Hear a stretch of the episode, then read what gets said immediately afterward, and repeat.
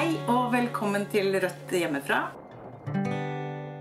Jeg heter Silje Kjosbakken. Jeg er andre nestleder i Rødt og skal være programleder her i sendingen. Aller først så skal vi ta en liten titt på hva som har skjedd siden forrige Rødt hjemmefra-sending. Vi har fått en ny regjering siden sist. Eh, Frp valgte jo å gå ut av regjering, som eh, på mange måter skaper en ny politisk situasjon som eh, også kan bidra til mye spenning i, rundt nye politiske saker.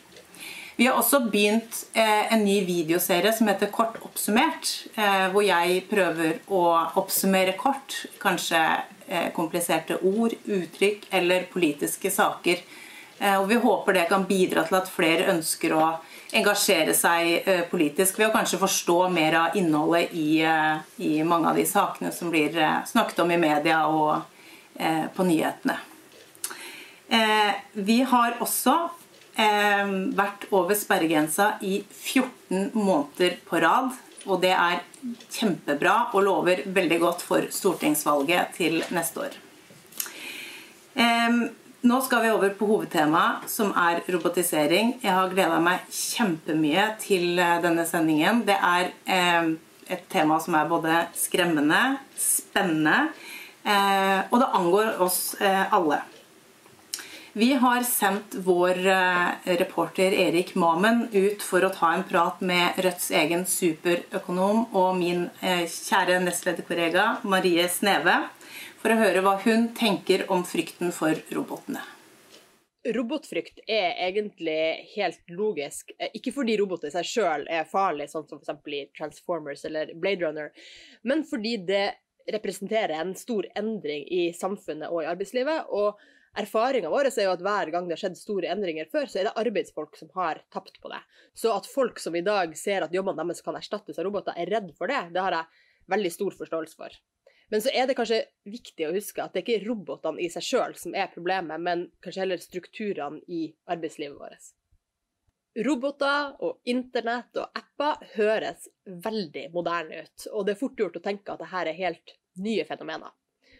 Men egentlig så er det akkurat det samme som når man oppfant plogen, eller når man fikk elektrisitet eller dampmaskiner. Det er ny teknologi som gjør at vi kan produsere ting mer effektivt. Og det er viktig å ha med seg i debatten om robotisering, for det betyr at de problemene eller utfordringene vi står overfor nå, de er egentlig akkurat det samme som under den industrielle revolusjonen, eller når vi hadde tidligere hadde store teknologiske endringer i samfunnet.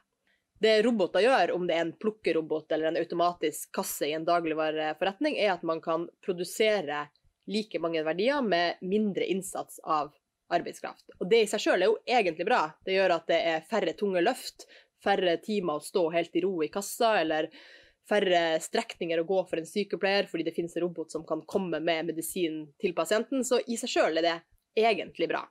Men, og det er der det er veldig, veldig viktige mennet kommer, er at vi må spørre oss hvem er det som tjener på den gevinsten som robotene gir. Og i dag, dessverre, så er det i veldig stor grad de som eier bedrifter, som tjener på robotene, mens arbeidsfolk stort sett bare mister jobben, ikke i alle fall får noe økt lønn eller noe bedre arbeidsvilkår som følge av roboter.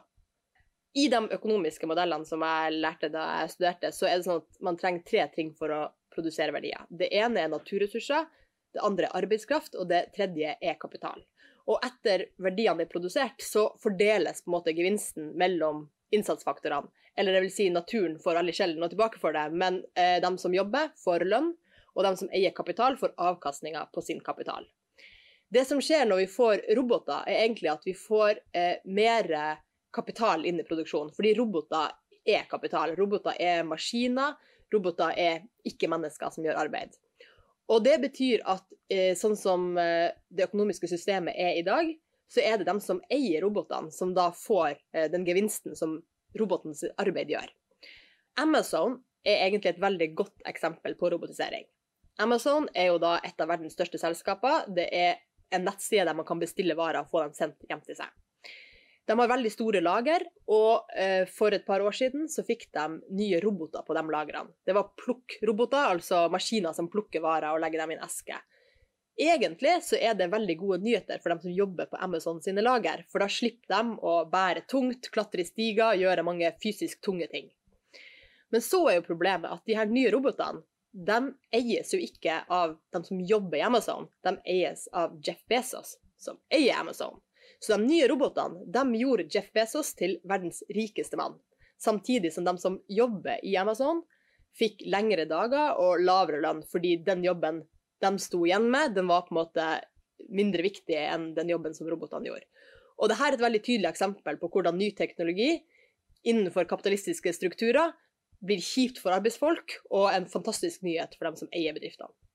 Mange av oss har jo møtt sånne automatiske kasser når man er i butikken og handler. Altså maskiner eller roboter som gjør at du kan bipe varene sjøl og betale uten at det sitter et menneske der og hjelper deg. Dette er jo egentlig godt nytt, fordi det gjør at uh, folk ikke må sitte i kassa på kanskje vonde stoler og stå lange skift, og man kan uh, drive en butikk med mindre arbeidskraft. Men problemet er jo at de her nye robotkassene de eies jo ikke av de ansatte på Rema 1000, de eies av Rema Reitan, en av Norges rikeste menn. Og fortjenesten fra de robotene går da til eierne av dagligvarebutikkene. Mens de som jobber i kassa, egentlig bare kan forvente å miste jobben sin, og uten å få noe særlig fortjeneste ut av de robotene. Så det er også et veldig godt eksempel på hvordan eierskapet over robotene er det som gjør at robotene blir et problem. Og sånn som eierskapet i dagligvarebransjen f.eks. er i dag, så er det noen av de aller rikeste i Norge som eier dagligvarebutikkene, mens de som jobber i butikken, er noen av de lavest lønte eh, arbeiderne vi har i landet vårt. Og i en sånn struktur så blir automatiske kasser fort en trussel mot eh, jobbsikkerheten, uten at det gir noe gevinst til dem som jobber i sektoren. Ny teknologi vil bestandig gi oss nye muligheter. Så spørsmålet er jo hvem skal bestemme over de mulighetene? Gode spørsmål fra Marie der. Eh, mens dere har eh, sett på videoen av Marie, så har jeg fått besøk i sofaen av eh, Karl Ruben Gåsø, som bl.a. er tidligere leder av Industri og Energi O. Men Karl, hvem, hvem, er du? Ja, jeg er jo Karl. eh, 26 år gammel og er prosessoperatør eh, på REC Solar i Kristiansand. Og kommer opprinnelig fra Bergen. Vil du fortelle de der hjemme hva en prosessoperatør er? Ja. En prosessoperatør er egentlig det som fra gammelt av er liksom fabrikkarbeider på gulvet. Uh, der i fabrikkene hadde du liksom faglærte mekanikere, og da hadde du faglærte elektrikere. Og så hadde du liksom de som kanskje har tatt litt uh, dumme valg i livet, eller noe sånt, som kom inn og gjorde liksom de tunge manuelle oppgavene. Uh, men nå har vi hatt den type moderne industri som har jobba i Norge i, i 100 år. Og vi har automatisert, effektivisert og gjort at den Eh, teknologien som den tradisjonelle fabrikkarbeideren styrer, da, eh, krever mye mer kompetanse. Og, og da vi etter hvert med fagforeninger og sånt, så har vi fått også et eget fagbrev som heter Kjemi og prosess. Og, og fått etter hvert veldig gode lønns- og arbeidsvilkår. Da, sånn at vi ikke er sånn som vi tradisjonelt sett var før i gamle dager. liksom På bunnen av, av, samfunnet i fabrikken og gjorde drittjobbene. da. De er mm. blitt automatisert. Ja. Mm. Veldig, veldig interessant. Eh, jeg er veldig glad for at du vil være med i kveldens sending og eh, snakke om det temaet her. For det er veldig mange ulike innfallsvinkler og, og problemstillinger rundt det. Men eh, eh, hvordan opplever du robotisering i den jobben du har nå? Hos oss så, så oppleves eh, robotisering som, som, en positiv ting. da. Som jeg føler at, at meg og kollegaene mine er noe som vi ønsker velkommen. Eh, og det oppleves i utgangspunktet ikke som, som noe nytt, som det kanskje kan gjøres for eh, andre yrkesgrupper, som de som jobber i butikker, mm. Eh, som er veldig inne med nye kassesystem og sånt nå, som kommer inn som, som noe, noe, veldig nytt, som, som kanskje kan ta og, og gjør at en erstatter veldig mange arbeidsplasser. Mm. men hos oss er det noe som vi har holdt på med i, så lenge jeg har jobbet i industrien, og noe som er en helt naturlig del av hverdagen at vi blir færre på jobb og, og produserer mer per ansatt. Mm. Det, ja. Tror du det er eh, tilsvarende andre steder i industrien også? Ja. ja. Jeg opplever det sånn eh, i den tiden jeg har vært aktiv i Industri Energi og vært med rundt mange andre steder, så opplever jeg det som at, eh, at det er noe som, som norsk fagbevegelse har på en måte sett på som som noe vi er nødt til å gå med på skal vi opprettholde våre lønns- og arbeidsvilkår som vi har forhandlet fram. Eh, der i Norge så konkurrerer ikke vi med å dumpe lønns- og arbeidsvilkår. Eh, det har ikke norsk fagbevegelse akseptert. Vi konkurrerer på å bli mest effektive og, og produsere mest per arbeidstime. Da. Eh, Så inntil arbeideren i alle land forena er der, så, så er det på den måten vi klarer å opprettholde levestandarden vår her i Norge. Og, og kan fortsatt være et litt sånt fyrtårn for internasjonal fagbevegelse på at det, at det går an å få til ting innenfor det systemet vi har. Ja. Så dere lider ikke av noe robotfrykt? Nei, ikke hos oss. Nei. Men eh, du opplever at det er liksom kollegaene også er med Ja. på, på den Ja. tankegangen? Jeg, jeg ja, Etter jeg ble invitert til sendingen, så, så har jeg egentlig konkludert med at vi kanskje lider litt mer av, av politikkfrykt. da. Eh, fordi at det er det, Vi er ikke redd for robotene. Vi, om vi er redd for noe, så er vi redd arbeidsløshet og, og, og miste jobben. Og det er, et, det er i større grad et politisk spørsmål enn noe som, som robotene tar med seg. da. Ja. Men hva er, eh, hva er det den arbeidsledigheten kan føre til? Hvis det den kan jo føre til at, eh, at eh, vi som arbeidsfolk lettere kan byttes ut mm. om arbeidsledigheten blir for høy. Sånn som når, når oljeindustrien Når oljeprisen falt i 2014. eh, Da opplevde en en mye høyere arbeidsledighet, og da var jeg jeg satt i forhandlinger som nestleder i fagforeningen min lokalt eh, et år der. Og det var veldig spennende. Og da argumenterte bedriften med at ja, nå, nå er arbeidsledigheten eh, så høy da, at, eh, at nå blir det urettferdig av bedriften å gi oss lønnsforhøyelse når det er så mange som går uten jobb utenfor porten. da. Eh, og, og da, mm, da kjenner en veldig på den direkte sammenhengen mellom hvor høy arbeidsledigheten er, og, og hvilke lønns- og arbeidsvilkår vi som en fagforening har mulighet til å forhandle fram. da. Ja. Ikke sant. Men det her viser jo hvor viktig fagbevegelsen er eh, for å sikre at den omstillinga skjer eh, rettferdig.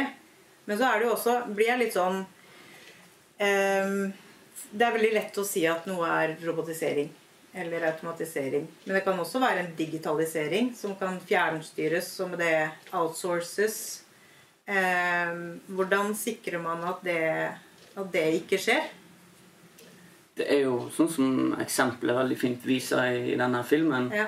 eh, med at det er fagbevegelsen og den norske modellen og liksom samarbeid og tilliten i arbeidslivet som, som fungerer veldig bra på denne arbeidsplassen.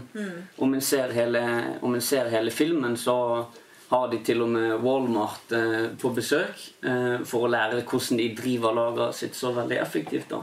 Og da sier de i filmen at da er alle teamlederne eh, vekker på sånn teamlederkurs, når Walmart er med og er på omvisning på lageret, så er det kun eh, operatørene som er de som kommer fra det gamle lageret, som absolutt ikke er dumme, men helt fint klarer å, å læres opp til nye arbeidsoppgaver, være med i den endringen i samfunnet.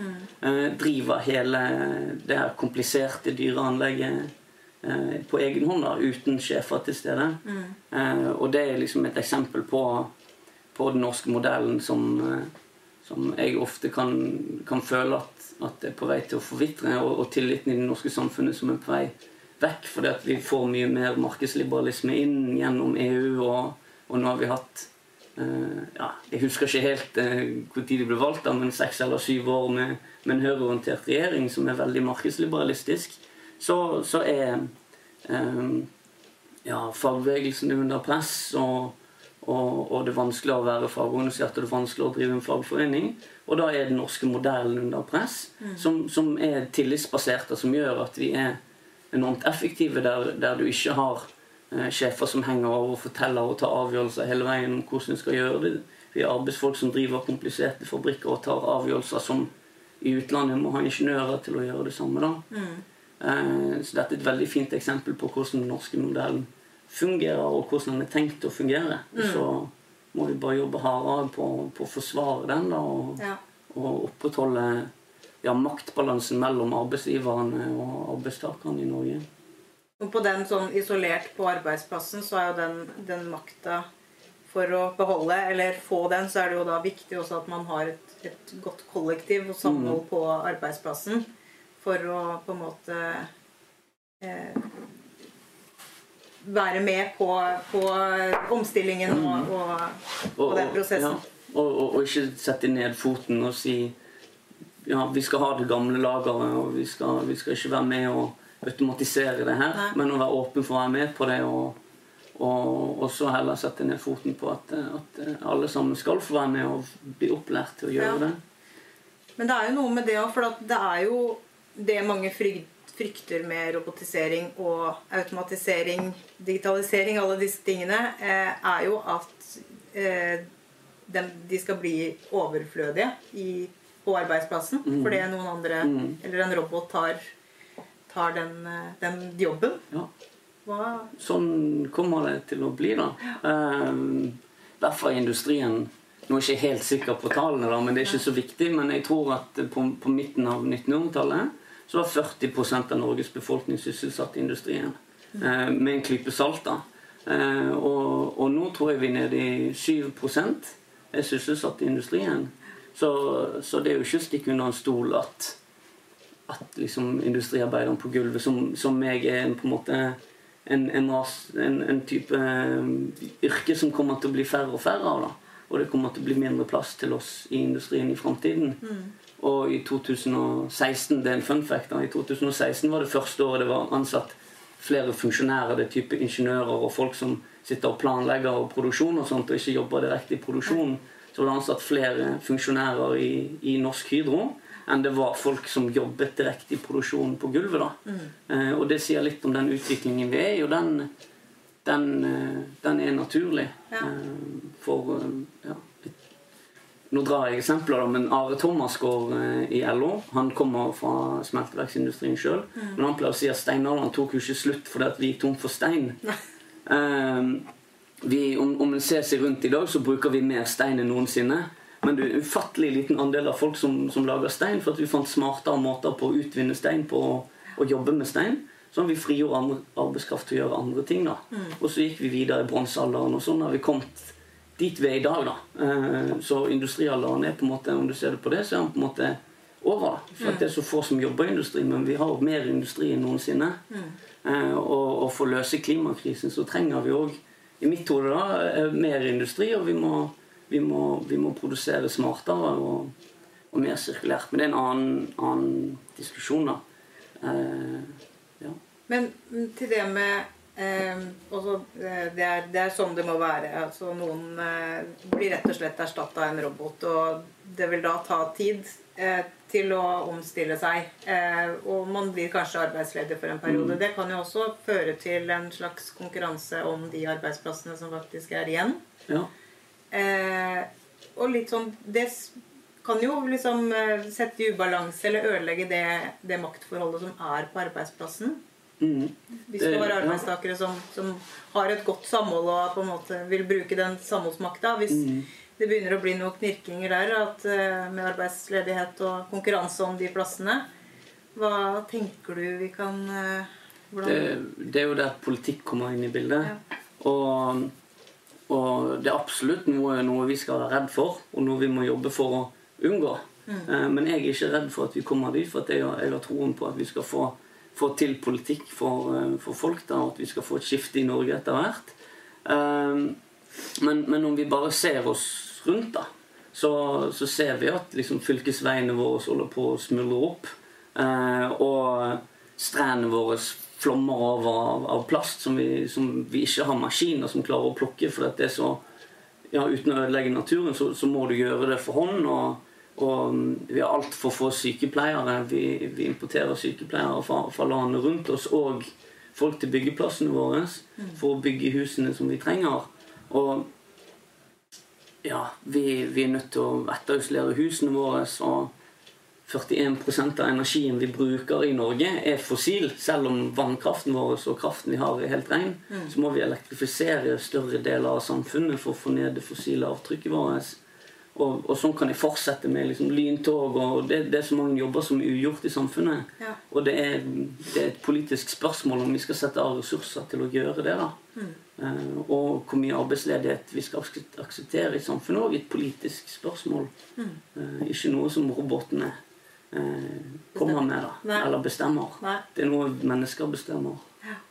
Og det er veldig interessant. og Vi skal jo på ingen måte komme med noen konklusjon eller fasit eh, eller noe sånt nå i dag, men eh, poenget med det her er å begynne å diskutere det. For det er jo en, en eh, debatt som må tas. Vi må ta det på alvor. Eh, Men har du hørt om sosialistiske roboter? Nei. Nei. eh, Min kjære nestlederkollega og samfunnsøkonom eh, Marie Sneve hun sier at roboter fører til ulikhet. Se på dette.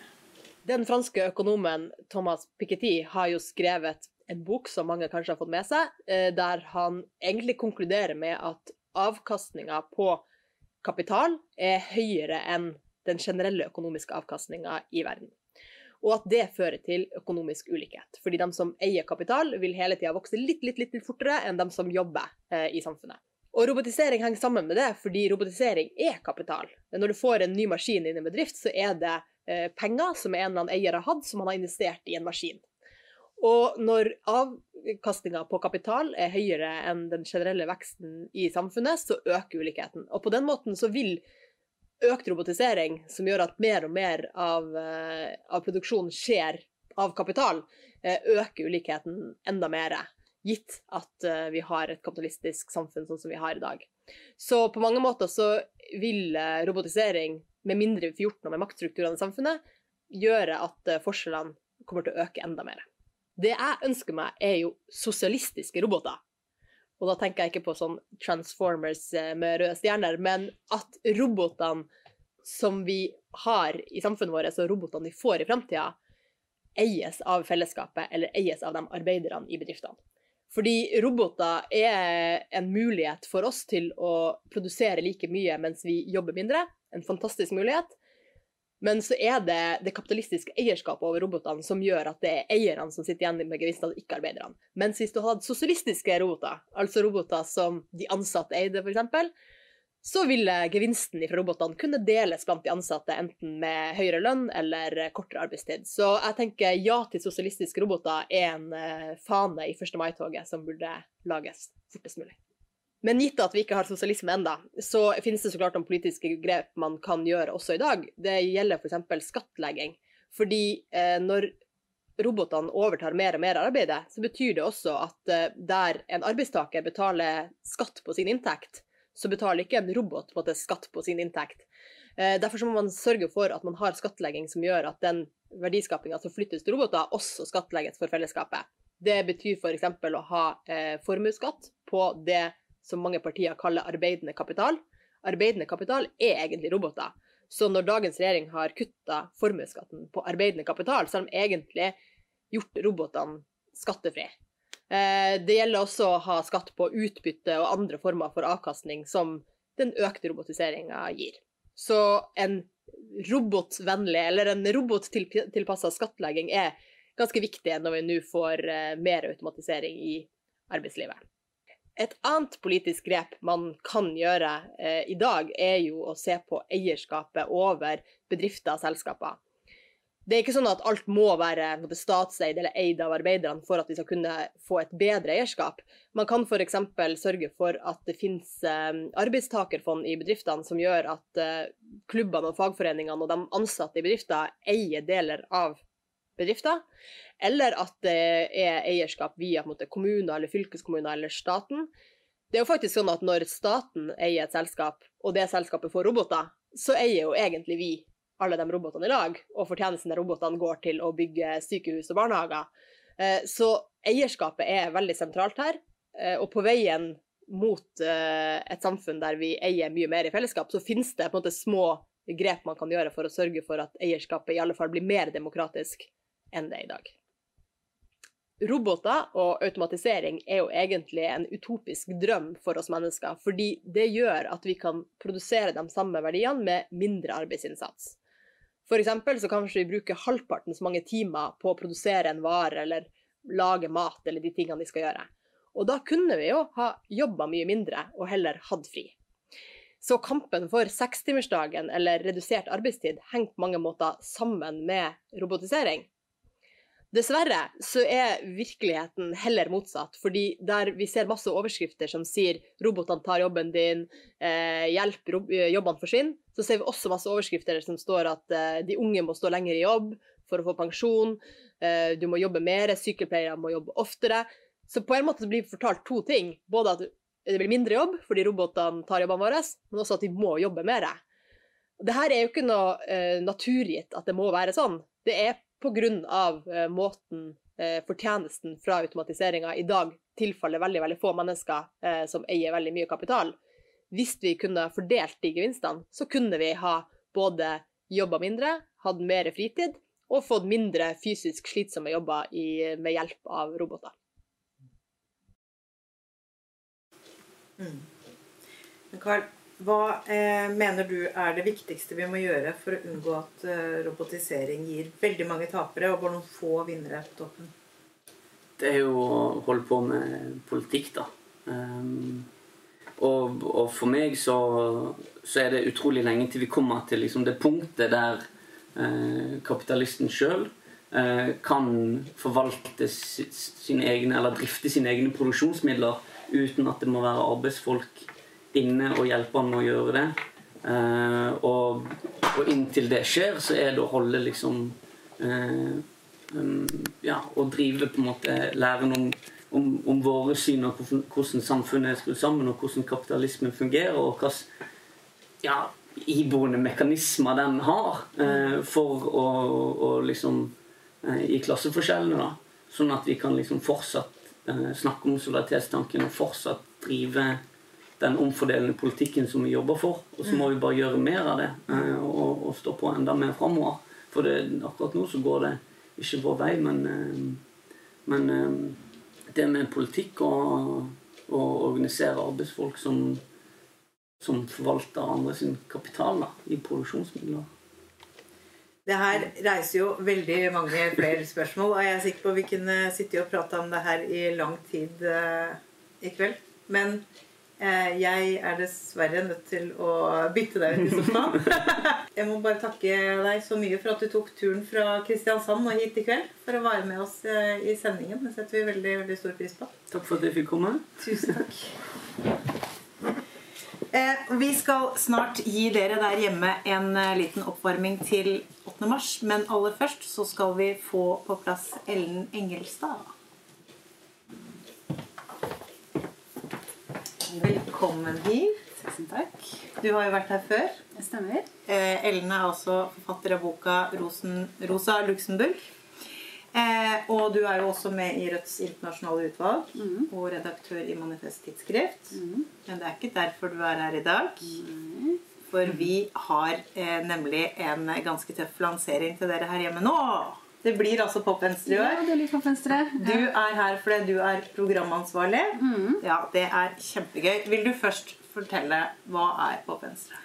Pop-Venstre er en festival som Rødt har arrangert siden 2016. Eh, I begynnelsen var det hvert år. Nå har vi jekket eh, litt ned. Nå er det annethvert år. Mm. Um, men det betyr at det er i år, og det er veldig gøy. Det er en, en festival hvor vi forener politikk og kultur og samler grasrota i både partiet og på hele venstresiden i Cubaparken i Oslo for eh, ja, musikk, eh, kultur, litteratur og politikk i en fantastisk miks. Det er mm. veldig veldig hyggelig og koselig. Ja, ja det er kjempegøy. Mm. Eh, men eh, hvorfor skal et politisk parti arrangere en eh, festival?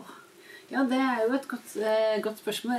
Jeg tenker det handler mye om at eh, livet er på en måte ikke bare politikk. Livet er eh, veldig mye mer. Livet handler også om, eh, og, eh, om, om kunst og om møteplasser, om eh, Ja, rett og slett å være liksom et mer et helt menneske, da. Og at Sånn har på en måte venstresiden alltid tenkt. Så dette er jo litt inspirert av 70-tallet og hvordan man alltid har på en måte venstresiden har vært engasjert i kulturen fordi den har eh, uttrykt eh, følelser på, eh, på en sånn håp og drømmer og sosialisme på en veldig sånn demokratisk og fin måte hele veien. Da. Kunst er jo ofte et marked, men eh, for oss er det veldig mye mer enn det. Det er en måte å møtes på og en måte å, å, å drive politikk på annerledes. da, Og rett og slett forene mange sider ved livet. Og, eh, og lage en sånn grasrotkampanje Ja. og møteplass. Mm. Og det er jo akkurat det med å, å liksom også skape en sånn grasrotbevegelse hvor du møtes liksom på på grasa, grasrota. Ja, rett og slett. Eh, Bokstavelig talt. Eh, men også da liksom eh, forenes og, og gå ut fra etter festivalen med liksom et felles mål. Uh, Være der liksom gjennom musikken eller kultur, andre kulturelle eh, plattformer eller eh, politikken. Det gjør på en måte en veldig fin måte å bygge en bevegelse på, ikke bare møtes for liksom et eh, politisk debatt, men på en måte en hel festival hvor man også ser teater og konserter og eh, er med på en eh, Ja, får liksom med seg venstresidas kultur, som er ganske Alltid har vært en, en, en stor og bred ting. Ja, og det har jo også vært mulig å ha med seg barn. Eh, de aller minste og de i skolealder. Absolutt. Ja. De aller minste er jo bare å trille rundt, og de litt eldre har vi jo eget barneprogram for.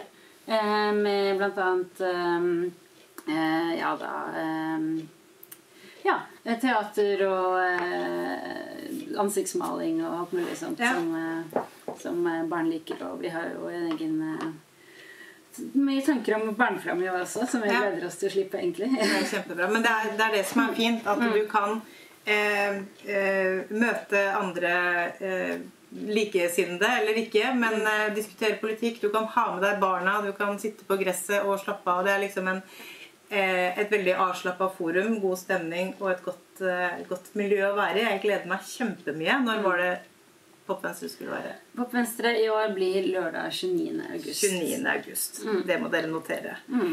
Eh, for nå, vi, nå går vi over til å snakke om årets, årets festival. Mm. Har festivalen noe tema? Blir det sånn hovedtema?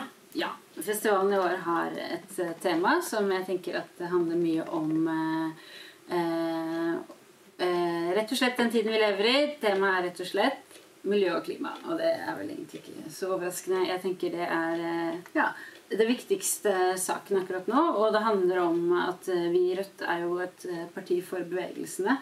Eh, Og vi har tenkt å forene fagbevegelsen og miljøbevegelsen og grasrota i partiet til en stor idédugnad om, eh, om klima- og miljøspørsmål. Da.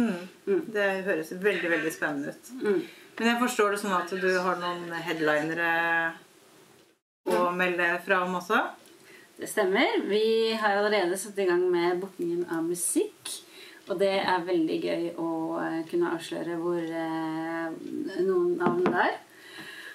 Aller først så kan vi jo si at vi har fått besøk av eh, den svenske viselegenden Mikael Wie. Som eh, jeg er veldig glad i. Han har jo eh, holdt på i mange tiår.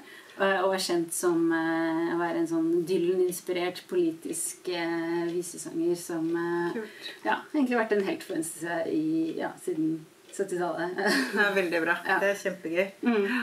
Og så har vi en annen eh, norsk og mye yngre, Sandra Kolstad, som eh, er eh, på en måte vår nye popdronning, og som lager musikk med, både, med og for både kroppen og hodet, og eh, er utrolig eh, Utrolig liksom, fin, engasjert, dyktig og, og veldig sånn Du virkelig kjenner tekstene på, på kroppen. Da. Hun er aktuell nå med et album som heter 'Burning Love'. Som eh, handler om brennende kjærlighet, rett og slett. Og, og som eh, Ja, jeg har sett i konsert mange ganger, og hun er veldig, veldig eh, fin artist. Også. Ja. Eh, veldig artig live. Mm. Jeg gleder meg kjempemye. Mm. Og det er kanskje noen overraskelser som kommer senere òg. Ja, det stemmer. Det er eh, i hvert fall en til som vi gleder oss veldig til å si fra til dere om, men som ennå ikke eh, Man må holde igjen noen dager til. Men eh, snart kommer det masse mer eh, spennende program. Det gleder vi oss veldig til. Mm. Men nå skal vi over på noe annet, eh, Ellen. Vi er snart på 8. mars. Stemmer. Ja. Skal du gå i tog i år? Det skal jeg. Det gleder jeg meg til. Vet du hvilken parole du kommer til å gå bak? Ja, altså jeg har sett på Prole. Syns det er veldig mye bra i år. Jeg har tenkt eh, Jeg liker veldig godt den om forsvarlig fødsels- og barselomsorg i hele landet. Jeg syns bunadsgeriljaen og, og den bevegelsen Mm. eh, er veldig viktig. Og så likte jeg også den eh, parolen som heter 'Ingen knebling av metoo, fortsatt, kvinne, eh, fortsatt kvinnekamp mot trakassering'. Mm. For jeg opplever at metoo har et slags backlash nå, eh, og det er veldig irriterende og eh, må ikke få feste seg. Nei, Nei. det er jeg helt enig i. Det er uh, en viktig parole å, å stille seg bak, altså. Ja. Absolutt. Vi skal, du blir sittende litt grann til, Ja. eh, for nå skal eh, vi ha et innslag for vår egen eh, Seher Aydar har eh, hatt en prat med Linn Stalsberg, som har eh, Altså Linn har skrevet eh, 'Nok er nok', som er gitt ut av eh, forlaget Manifest. Og så har Linn også oversatt Det her er den engelske versjonen, da. På norsk så heter den eh, 'Feminisme for de 99 prosentene'. Den har hun oversagt som eh, kommer ut 7. mars på det nyetablerte forlaget eh, Brød og roser. Ehm, og disse to bøkene har eh, Seher Aydar altså tatt en prat med Linn Stalsberg om eh, i, som oppvarming til 8. mars. Dette innslaget er eh, litt eh, Ja, det er 10-15 minutter. Så vi takker for oss her i studio nå. Og så avslutter vi med dette innslaget fra, av eh, Seher og eh, Linn Stalsberg. Neste Rødt hjemmefra-sending er 29. april. Og jeg håper dere joiner oss eh, da også. Da har vi andre gjester. Eh, et annet tema. Da er det nemlig oppvarming til 1. mai. Tusen takk for meg. Takk for at du kom, Ellen. Veldig hyggelig å snakke med deg med veldig gode nyheter. Vi ses. Hei! Da eh, har jeg med meg Linn Statsberg. Hun er forfatter, journalist og sosiolog. Hun har nettopp gitt ut denne boka. Det er nok nå. Hvordan nyliberalisme ødelegger mennesker og natur. Og som dere kanskje ser, så har jeg tredjeopplaget. Og det er fordi at eh, det er veldig mange som har hatt lyst til å lese denne boka. Og jeg tror på en måte i likhet med meg så er det en bok som har vært savna. Så jeg er veldig glad for at du har skrevet den. Vi skal snakke litt mer om det etterpå. Men først så skal vi snakke om en annen bok som eh, du har oversatt. 'Feminisme for de 99% Den her er på engelsk, men det fins nå på norsk. Um, så velkommen til oss. Takk. Eh, så feminisme for eh, 99, de 99 prosentene. Ja. Vanskelig å huske det på norsk. Eh, det er en eh, slags manifest Mhm. som handler om eh, feminisme for de mange. Mm. En slags antikapitalistisk feminisme. Ja. Ehm, men eh, hva betyr egentlig det? Altså, hva er det den boka egentlig handler om? Ja, dette er jo en bok som du sier for de mange, da, for alle. Og det litt sånn artige grepet som disse tre forfatterne tar i boka, det er jo at når de skriver 'vi', altså 'vi kvinner', så er det eh, meg og deg, og det er hun urbefolk-kvinnen der, og det er hun bonden i India der, og det er liksom det store 'vi', da. Når de da sier at eh, kapitalismen angriper oss kvinner, vi kvinner rammes av kapitalismen, så er ikke det Så hjelper det ikke at jeg sitter i en sånn god sofa i Norge, liksom. For at vi kvinner er også alle andre kvinner i verden. Og det tenker jeg er en sånn der utrolig pedagogisk øvelse, og det gjør at liksom internasjonal solidaritet da blir liksom sånn helt naturlig. Eh, og det, jeg, er ikke, jeg er jo ikke fri, ikke sant. Du er ikke fri før også hun indiske bonden er fri. Eh, og det er det de Det sier de da. Akkurat det sier de liksom igjen og igjen. Og denne boka er jo sånn at eh, den er kommet i etter alle disse her kvinnemarsjene og kvinnestreikene, som ikke er så veldig omtalt i norske medier eh, nødvendigvis, men som like fullt pågår da, verden over. Og, og det er som skrevet som et sånt, ikke til dem, eller ikke som en sånn, det er mer sånn konsekvens av kvinnemarsjene. Hva kan vi lære av kvinnemarsjene og kvinnestreikene? Så det er liksom bakgrunnen da for at det ble til. For det er jo, de tre som har skrevet boka, er jo akademikere alle tre. Eh, Men to av de har jo også vært veldig, er jo aktivister eh, og har vært med å engasjere, da, eller lage disse kvinnemarsjene, da, kvinnestreikene. Eh, vi har jo ikke hørt så mye om disse kvinnestreikene i Norge. Og det har jo ikke vært tilsvarende kvinnestreik i Norge. Så hvis du kan bare si litt om hva er det disse kvinnestreikene handler om? Egentlig sånn, hva, Hvorfor streiker kvinnene? Er de egentlig store? Er de små? Ja, det ble, ikke sant? Dette er litt som det, Først var det litt organisk. ikke sant? Det var eh, streiker for, eh, mot ny abortlov i Polen og i Irland. Og så var det streiker for velferd i Spania. Og så var det streiker i Argentina mot eh, seksuelle overgrep og voldtekter.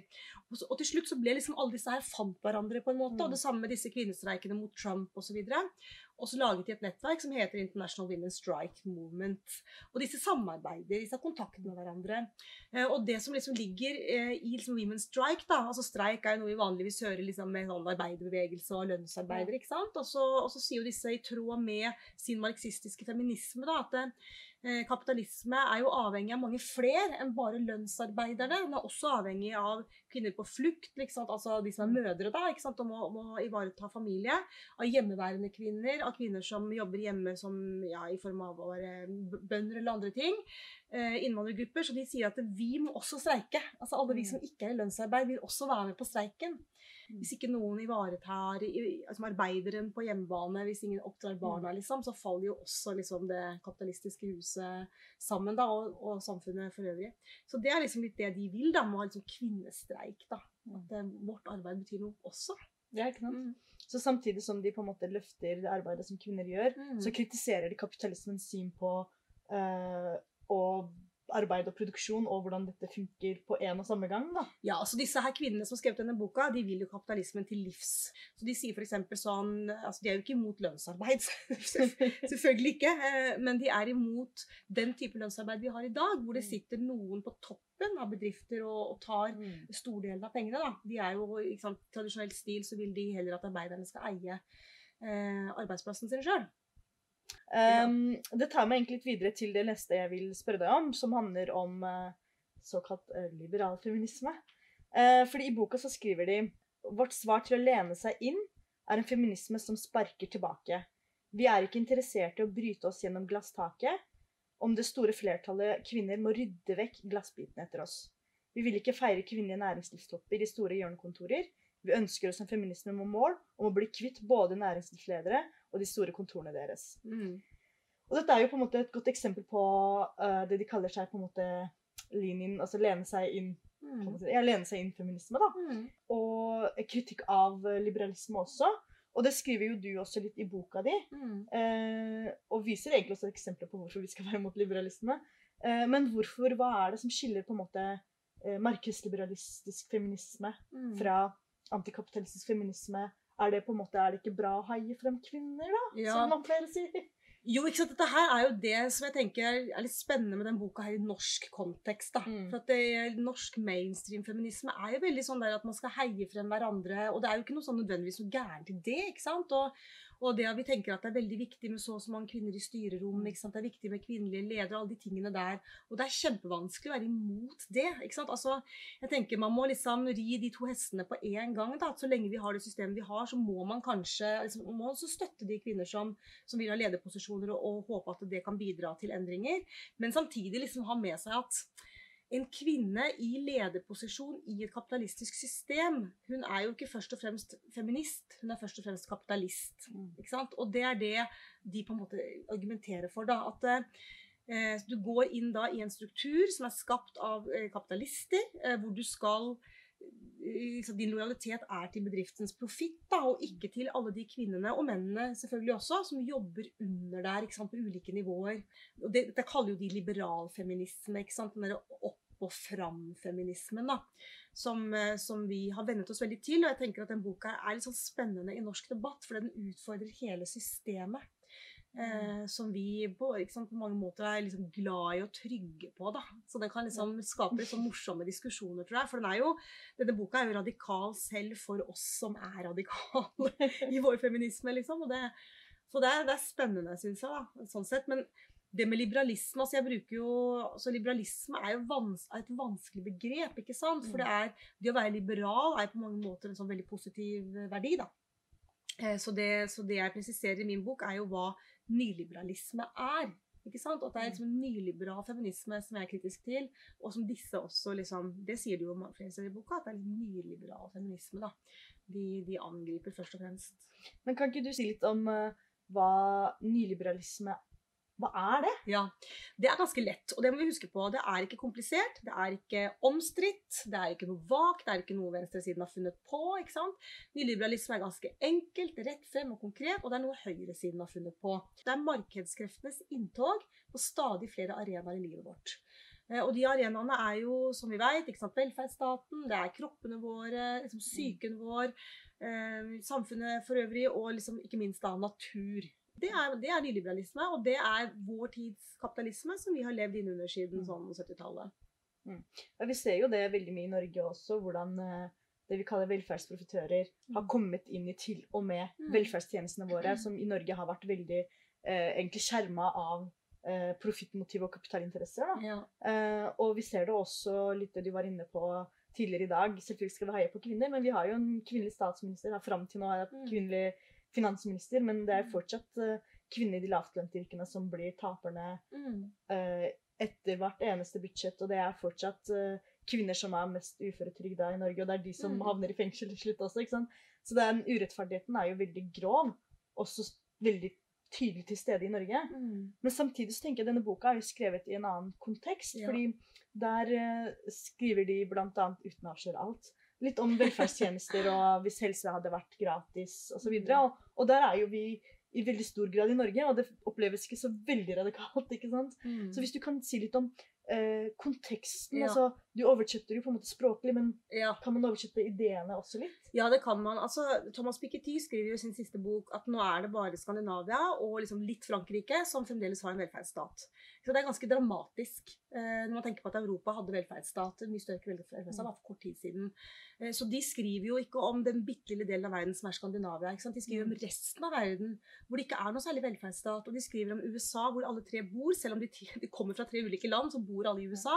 Og der er det, som vi vet, veldig lite velferdsstat og veldig lite sosiale ordninger. Og det, liksom, det kritiserer de med rette, da. Eh, Og så skriver jeg i det forordet jeg har skrevet, at i Norge er det litt annerledes. I og med at vi har eh, en sterk velferdsstat fremdeles, selv om den er under press. For vi er jo en del av det samme globale systemet. Så de tingene som helt konkret har rammet andre land, ser jo vi tendensene til. ikke sant? Og det er det som er eh, skummelt her hos oss. da. Så man kan absolutt ta det, denne boka som en advarsel. Ikke sant? Um, og så kan vi, og vi tenker at hvis, vi, hvis vi mister velferdsstaten vår, ikke sant? da har jo ikke andre land engang noe å strekke seg etter. Da finnes det ikke eksempler lenger. Det er jo kjempealvorlig. da. Jeg tenker jo at um, eh, på mange måter, hvis man vil lese denne boka, så er det veldig lurt å lese denne først. Mm, er helt enig. Um, uh, fordi at det er en del ting som man tar med seg inn. Mm. Eh, jeg leste motsatt, da, men, men derfor anbefaler jeg å gjøre det på den måten. Og da vil jeg egentlig snakke bitte lite grann om den før vi uh, avslutter. Fordi at du, du sa det i, litt i stad at liberalisme, det er jo høyresiden har jo Det er deres Mm. ideologi. Og selv om det går veldig bra med nyliberalisme, så prøver jo på en måte høyresiden mange ganger å late som at eh, de driver ikke med ideologi. Mm. Det, det hvorfor, altså, hvorfor kan de det? Det er ikke bare de som kan det. altså det. Det jeg beskriver i boka, er jo hvor nyliberalisme kom fra. At det En gang så var det sant, helt konkrete mennesker, helt konkrete geografiske steder, Mm. eh, som kalte sin ideologi for nyliberalisme, og som har jobbet den frem til å nå bli eh, det som vi alle anser som på en sånn merkelig måte som sunn fornuft. Nå begynner, det jo, begynner det å bli litt sånn vaklende, ikke sant, i og med klimakriser og sånn. Men det har lenge vært det. Og det er ikke bare høyresida som, som liksom tok, må ta ansvar for det, det må også sosialdemokratiet. For det som gjorde det spesielt vanskelig, var jo nettopp at det var type Bill Clinton, Tony Blair, Jens Stoltenberg, altså disse som var veldig viktige for sosialdemokratiet på 1990-tallet, som tok over den konservative arven da de gikk inn i makt. Det var jo de som klarte å si liksom ideologien er døde, nå driver vi bare med praktisk politikk, nå alt liksom pragmatisme. Og da, og da forsvant liksom mot, til og med våre egne, da, til og med de som vi var glad i, liksom, begynte med nyliberale angrep på velferdsstaten, Mm. og også liksom retorisk angrep på liksom det moralske fundamentet da, for velferdsstaten, med sånn nanny state og snillisme på norsk og alle de tingene der som Mm. kanskje noen husker. Eh, og det tenker jeg er liksom En ting er at høyresida er så lett å angripe, men det var mye vanskeligere når det var liksom våre egne. Da ble jo alle kritikerne til venstre, da, som jo er de som kom fra Rødt f.eks., stående som litt sånn debattens klovn, ikke sant? Fordi, eh, fordi at de andre eide fornuften, liksom. Og det, men jeg mener at det er et sånt veldig sånn verdiskifte nå, og det er en veldig sånn eh, at nå er det ikke lenger nødvendigvis vi som er kritiske til kapitalismen som må forsvare oss, Mm. men nå ligger bevisbyrden hos dem som propaganderer kapitalismen. For vi ser jo hvor liksom stø kurs fører oss. Mm. Det er jo liksom ikke et vakkert sted, da. Vi ser det jo på en måte, vi ser jo konsekvensene både når det gjelder miljøødeleggelsene, Mm. også naturen tålegrenser har blitt pressa så hardt nå. Eh, vi ser det jo på hvor lite tid alle har. Det skriver de også veldig fint om. Eh, eh, både i den på en måte, forskjellen mellom hvordan livet ditt er, og hvordan bestemoren dins liv er. Mm. Eh, det syns jeg var veldig veldig fint å lese. Eh, og vi ser på en måte folk ser at de blir slitne, og så er det noen som blir rikere og rikere. og Jeg tror det blir synligere og synligere, og det er jo en eh, ting vi merker i Rødt også. Ikke bare fordi at vi vokser, men også fordi at når vi blir angrepet fordi vi vil avskaffe kapitalismen, så gjør vi det veldig bra på meningsmålingene når vi har forsvart oss. Og da lurer jeg på om du har merka noe av det etter at du har gitt ut boka? Ja, jeg merker det masse, og det er kjemperart. For når man sitter og skriver en bok om nyliberalisme for seg sjøl i en sånn liten boble, så tenker man jo kanskje at uff, er det noen som er interessert i dette her, liksom. En ting er at jeg liksom nerder på det og leser sånn litteratur, men du veit jo ikke om noen andre er interessert i det, ikke sant? Men nå er jeg jo masse, masse, masse rundt og snakker om den. Det er liksom, det hagler inn forespørsler. Eh, og det er jo liksom veldig sånn bra for saken, ikke sant? Altså, det er utrolig gøy, og det er ikke Det er selvfølgelig mange i Rødt og fagbevegelsen sånn. Det er også sånn masse biblioteker og diskusjonsklubber og folk Mm. som, ikke, som ikke før eh, ville kanskje vise interesse for dette her. Da. Mm. Og det er jo fordi at selv om ikke folk vet hva nyliberalisme er, og klarer å beskrive det i en kjapp setning, Mm. så, er de, så har de fleste liksom følt det på kroppen Ja. på en eller annen måte. Sånn. Mm. Man har kjent på stress og følelsen av utilstrekkelighet, og så skjønner man ikke helt hvorfor. Mm. Eh, Man bekymrer seg for klima og natur. ikke sant? Man bekymrer seg for ting som Nav-skandale og, og disse ting som skjer i velferdssystemet vårt. da. Da uh, er det jo bare å brette opp armene og fortsette kampen der dere bor. Uh, fordi at um, det som Linn uh, skriver om, og det som vi ser, er jo et system som trenger å forandres. Og det er det jo dere lokalt som jobber for hele tiden. Så ønsker dere masse, masse lykke til med det. Eh, men så er det jo 8. mars snart. Um, og jeg skal jo gå i tog. Ja. Jeg regner med at du også skal det? Vet du, Det skal jeg ikke, fordi jeg skal til Trondheim og først snakke om uh, min egen bok, og så snakke om manifestet. Eh, men det du skulle spørre om, var sikkert hvilken parole. Ja. Jeg tenker at eh, Hvis jeg skulle gått i tog, da, Mm. eh, hvis jeg klarte å snike meg innom toget i Trondheim mellom to møter, så tror jeg jeg ville valgt noe internasjonalt. Noe sånn antikrig i år. Det høres bra ut. Da ville vi kanskje gått sammen. Ja. da ønsker jeg dere alle sammen lykke til med 8. mars og eh, kampen mot kapitalisme og for feminisme. Tusen takk for at du kom, Takk for at jeg fikk komme. og les boka hennes.